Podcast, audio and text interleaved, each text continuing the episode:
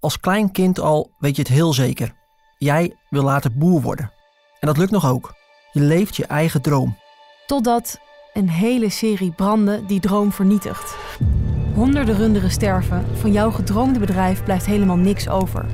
En tot overmaat van ramp denken steeds meer mensen dat jij de branden hebt gesticht. Zelfs de politie gaat uit van jou als enige mogelijke brandstichter. Was je zelf echt betrokken bij het vuur?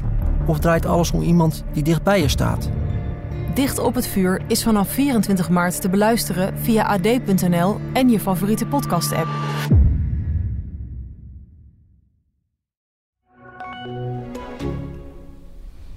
Als u zover bent.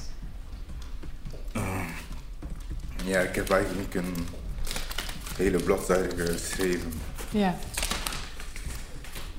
Het gaat niet lukken daarmee. Dus eigenlijk wat meneer al zei. Die dag is eigenlijk eh, alles omhoog.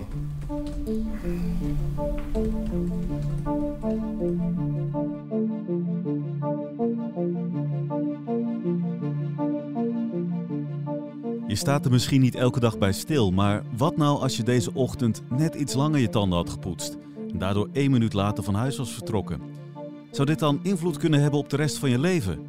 En moet je hier überhaupt bij willen stilstaan? Mijn naam is Thomas Brouwer en je luistert naar De Zaak X. Een podcast van het AD in samenwerking met het podcastkantoor, waarin we wekelijks een spraakmakende rechtszaak bespreken. Met deze week de vluchtstrook.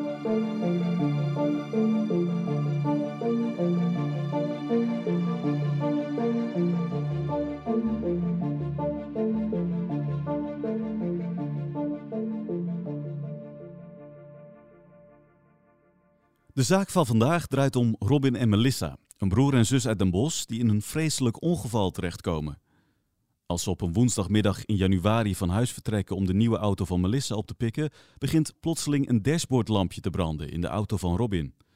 Als het gaspendaal opeens niet meer reageert, besluiten ze de auto op de vluchtstrook te zetten. Belangrijk detail, ze waren in de auto gestapt uh, zonder een jas aan te trekken. Omdat ze dachten van, we gaan thuis weg, we halen een nieuwe auto op bij de dealer. Lopen daar in en uit, stappen weer in de auto, gaan weer naar huis. Dus die hebben we niet nodig. Je hoort de stem van Art Schouten.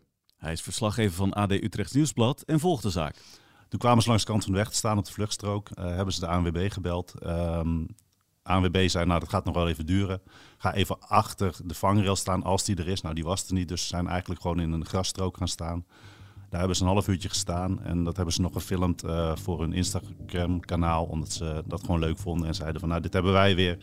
Uh, mensen, kijken eens wat wij weer meemaken. Dit overkomt ons weer. We gaan een nieuwe auto kopen en onze oude auto die uh, gaat ter plekke caduc. Het is koud buiten en Melissa besluit te doen wat in deze situatie altijd wordt afgeraden om te doen. Ze gaat in de auto zitten. Hierna gaat het gruwelijk mis.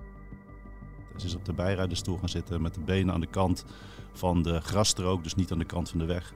Robin is tegen die auto aan gaan leunen en zo stonden ze nog wat te praten. En ineens werd alles zwart. Knalde er uh, een uh, vrachtwagen die over de vluchtstrook kwam bovenop een uh, kleine Fiat. ze vlogen allebei 10, 20 meter door de lucht en kwamen eigenlijk in de grasstrook te liggen. Robin lag een meter of dertig van zijn zus vandaan zag dat het met haar vreselijk, uh, vreselijk was en dat ze er vreselijk aan toe was. Zag dat er allerlei, allerlei mensen op haar afkwamen die stopten om te helpen.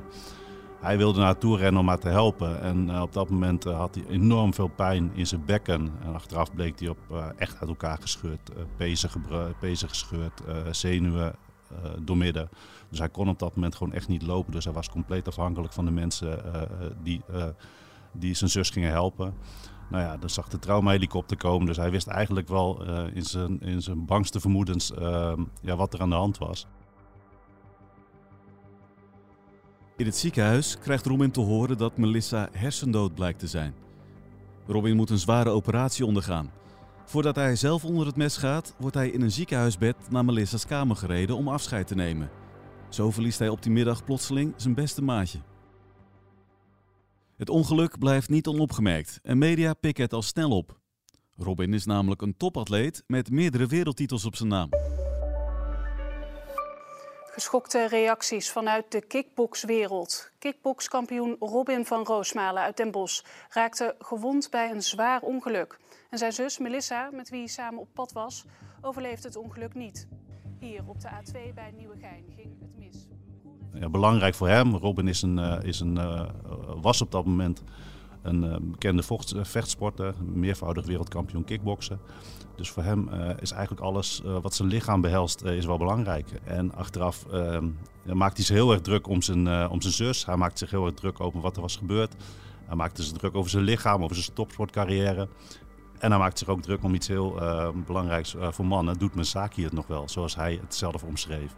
Dus ja, dan kun je eigenlijk wel zien wat er op dat moment uh, met iemand gebeurt. En dat er zoveel dingen tegelijk gebeuren die uh, heel emotioneel zijn. In een en, paar seconden verandert gewoon je hele leven natuurlijk. Nou ja, misschien in twee seconden. Ja, je hoort natuurlijk dit soort verhalen wel vaker. Ongeluk op de weg, hè? je sta je in de file. Maar als je zo'n zo'n verhaal dan tot in detail hoort en wat de impact dan is op de mensen die erbij betrokken zijn. Ja, en vooral ook omdat um, er ook hele gekke details aan deze zaak zitten. Melissa en uh, Robin waren echt een twee-eenheid. Gingen altijd samen op pad, waar elkaar steun en toeverlaat. Eigenlijk was het altijd zo dat Robin reed en zij niet. Nou, Melissa had uh, in de weken voor, de, voor het uh, fatale ongeluk uiteindelijk... had ze ook al twee aanrijdingen gehad. Dus ze hadden ook wel zoiets, ze moet wel weer terug de weg op. Dus op dat moment ging ze rijden. Nou, dat had uiteindelijk geen, maakte dat niet zo wel uit, want die auto ging kapot. Dus ja, Robin had ook op de vluchtstrook beland als hij had gereden. Maar ook een belangrijke details wel. Um, Melissa was altijd te laat. Die dag was ze op tijd. Ze gingen altijd als ze op weg van Utrecht gingen, omdat Robin daar veel trainde, gingen ze altijd bij uh, wegrestaurant De Lucht bij Den Bosch een kop koffie drinken. Die dag besloten ze, om welke reden dan ook, dat niet te doen. En als je dat dan allemaal gaat uh, kijken in de tijdlijn van de dag, hadden ze maar een kop koffie gaan drinken. Was zij maar te laat geweest, want dan hadden ze dus niet in contact met die ja. vrachtwagen gekomen. De noodlottige klap op de Fiat 500 van Robin wordt veroorzaakt door een vrachtwagen. Achter het stuur zit de 45-jarige Eloucine. Hij is op weg naar zijn eindstation om voor de laatste keer die dag zijn vracht te lossen. En um, ja, ineens knalde hij uh, bovenop die Fiat van, uh, van Melissa en Robin. En uh, dan zijn de eerste dingen die in je opkomt van ja, uh, hoe kan een vrachtwagenchauffeur uh, dat over het hoofd zien als er een auto op de vluchtstrook staat met knipperlichten aan op een rustige dag. Het was gewoon rustig op de weg. Het is voor de rechter dan ook moeilijk om een verklaring te vinden waarom het zo is misgegaan. Uh, de technische politie heeft geprobeerd om te berekenen hoe lang u de Fiat had moeten zien. En dan is de conclusie van uh, de politie dat in ieder geval op 150 meter duidelijk zou moeten zijn voor een oplettende bestuurder dat die Fiat daar stil stond met de alarmlichten aan. En dan berekenen zij hoe lang dat is met uw rijsnelheid van ongeveer 83 km per uur. Zou u 6,5 seconden gehad moeten hebben om die Fiat te zien. En dat is best dat is natuurlijk niet heel lang, maar dat is best wel een periode waarin je nog iets kan doen. Maar u zegt, ja... Het is onduidelijk waarom de vrachtwagen op de vluchtstrook reed. Zelf heeft de chauffeur hier ook geen verklaring voor. Nou, er is natuurlijk nog wel gekeken bij u of u misschien onder invloed was hè, van middelen, maar er is niets aangetroffen. En ik heb ook een brief of een mail van uw vrouw gelezen. En daarin lees ik ook ja, dat u een gelovig man bent en dat u nooit middelen gebruikt. Hè. Geen alcohol, geen drugs.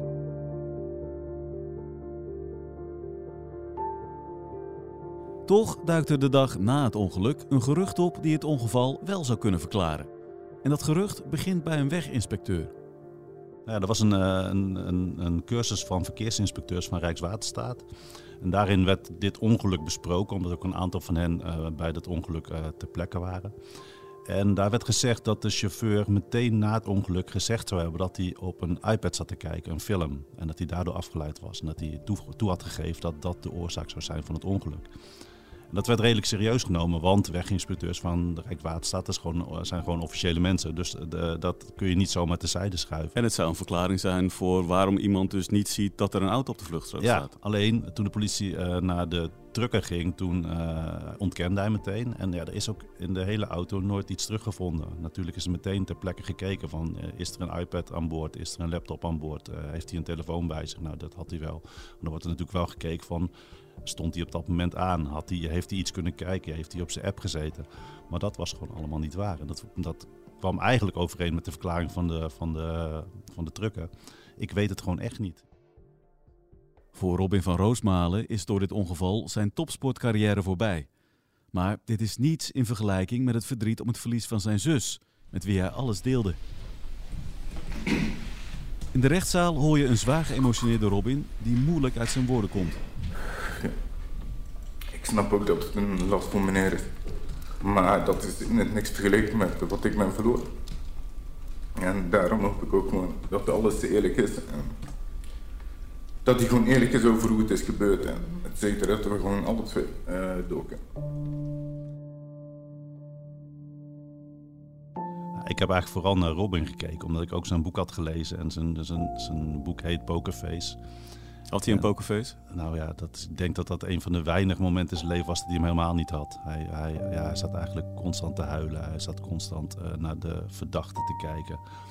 Uh, hij zat heel erg in, ja, in zichzelf. En uh, ja, het beeld wat je zag paste gewoon heel erg bij wat hij meteen ook na, de, na, het, na het dodelijke ongeval had gezegd. alles is me op die dag afgenomen. En alles was Melissa voor hem.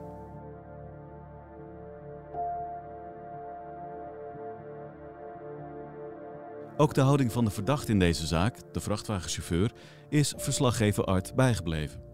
Nou, het begon eigenlijk al op de gang dat ik uh, een beetje de ruimte aan het afspieden was van wie zal, hier de, wie zal hier de verdachte zijn.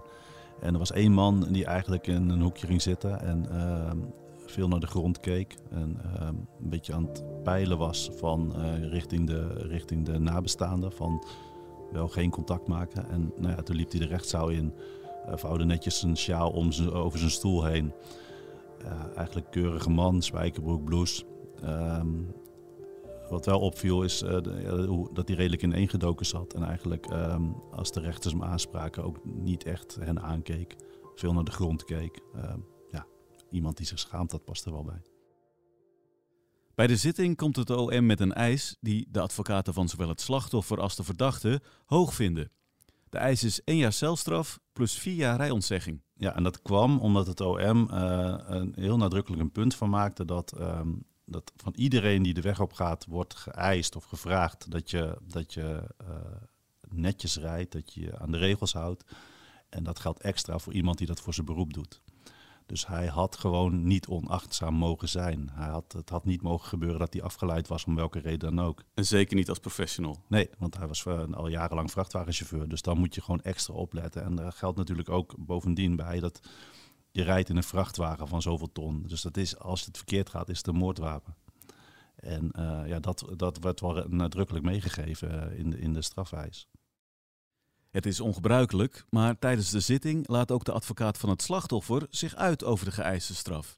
Nou ja, hij benadrukte vooral dat hij er niet warm van zou worden als de verdachte in de cel zou belanden. Maar er ook niet warm van zou worden als hij weer terugkeert de weg op als, uh, als chauffeur, als taxichauffeur. Dus um, ja, dat zijn natuurlijk twee dingen die naast elkaar spelen. Um, hij, uh, aan de ene kant uh, verwijt hij hem natuurlijk wel van wat er gebeurd is. Aan de andere kant uh, beseft hij zich heel goed dat, uh, dat deze man het ook niet zo gewild heeft. En dat hij ook met andere ideeën de laatste zes minuten van zijn werkdag aan het invullen was. Ja, maar weer op de weg, dat is toch een ander gevoel dan? Ja, want het is uiteindelijk wel iemand die iemand dood heeft gereden. Als we het gewoon heel sec benadrukken. Uiteindelijk zijn ze op de gang beland en heeft de advocaat van de vrachtwagenchauffeur heeft gevraagd van uh, uh, zou Robin eventueel bereid zijn om hem een hand te geven, want dat was voor, de vrachtwagenchauffeur heel belangrijk. En uh, Robin heeft daarin toegestemd en die is zelf een stapje verder gegaan. Die heeft hem gewoon een omhelzing gegeven. En ook gezegd dat hij, ja, dat hij wel echt wel door had dat alle spijt wel heel erg gemeend was. En dat, ook, dat hij dat ook heel erg waardeerde. Ja, dat gebeurt bijna nooit. Dat is echt. Uh, uh, ja, je hebt, je, hebt, je hebt er twee partijen voor nodig, maar het is zo moeilijk. Kijk, uiteindelijk is voor die vrachtwagenchauffeur moet ook zijn hele leven uh, leven met de gedachte dat hij iemand dood heeft gereden. En een topsportcarrière van een ander om zeep heeft geholpen. Want dat is gewoon letterlijk wat er is gebeurd. Robin moet verder zonder Melissa. Ja, eigenlijk zitten ze min of meer ook een beetje in hetzelfde schuitje. Vaak hebben we in deze podcast nog niet de uitspraak dan van zo'n uh, van zo'n zaak. Die komt meestal wat later. In, deze, in dit geval wel. Uh, de rechter is toch, toch een andere, die heeft die eis niet één op één overgenomen. Waarom niet? Nee, de rechter, de rechter is eigenlijk gewoon op een iets minder zwaar, uh, zwaar oordeel gaan zitten. en dat zit in een detail van zeer onoplettend geweest of zeer onacht, onachtzaam. veranderd in onachtzaam en on, onoplettend. En, en, dan ga je gewoon een gradatie lager zitten in de wegen- en verkeerswet. En er vallen dan ook andere normen onder. En, uh, uh, en in dit geval uh, is wel gekozen voor, ehm, om, er, ja, om er een taakstraf van te maken. Naast 240 uur taakstraf mag de vrachtwagenchauffeur twee jaar de weg niet meer op, waarvan één jaar voorwaardelijk. En dat betekent dat hij binnenkort weer de weg op mag. En voor Robin is zijn carrière dus nu voorbij als sporter. Wat, wat, hoe gaat het met hem verder? Hij heeft zijn eigen, zijn oude werk weer opgepakt uh, als straatcoach. Dus hij begeleidt in, uh, in Den Bosch jongeren uh, om op het rechte pad te blijven. Maar hij begeleidt ook jongeren die een drugsprobleem hebben. Ja, ik weet dat ik wegliep bij de rechtbank. En het gevoel had wat ik eigenlijk normaal niet zo heb, is van ja, bij deze zaak had ik zowel de dader als het slachtoffer kunnen zijn. En normaal gesproken denk je, uh, als er iemand uh, voor een moord of wat dan ook zit, ja, dat zou ik zelf niet kunnen of dat zou ik zelf niet doen. In dit geval dacht ik wel van ja, had het mij, kan het mij overkomen dat ik een moment onachtzaam ben en ergens bovenop knal en dat iemand anders overlijdt? Ja, dat zou kunnen gebeuren. En andersom ook, ehm, je kunt natuurlijk heel gemakkelijk zeggen van ja, Melissa had niet op die bijrijderstoel moeten gaan zitten. Uh, Melissa had uh, in het gras moeten blijven. Maar ja, iedereen doet wel eens dingen waarvan je achteraf denkt van uh, had, ik, had ik het maar niet gedaan. Ja. Dankjewel, uh, Martin. Graag gedaan.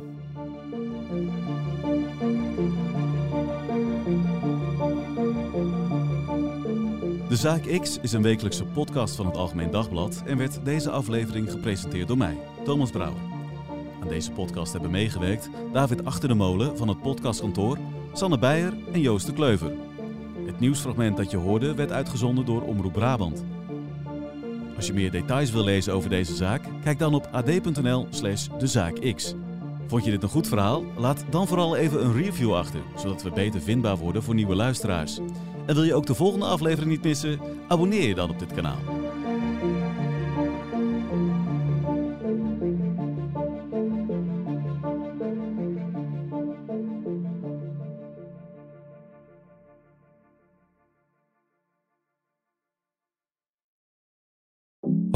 Ik ben Joost Twinkels, radio-dj bij Q Music. Dit is mijn vader Piet. Lieve Joost, je staat nou recht tegenover mij. En ik praat nou op twee manieren tegen jou. Ja? Als je dit bandje luistert, dan weet je niet meer dat je hier gestaan hebt. Dit jaar is hij precies 20 jaar dood. En ondanks dat ik me weinig van hem kan herinneren, mis ik hem. Speciaal voor mijn broer Koen en mij liet hij brieven en audio-opnames na... die ik in deze podcast induik om niet alleen hem, maar ook mezelf beter te leren kennen. Ik heb geprobeerd om jullie te vertellen dat liefde het allerbelangrijkste is. Hou van elkaar en van de wereld om je heen. Dan komt alles goed. Liefs Papa Piet luister je nu in je favoriete podcast-app.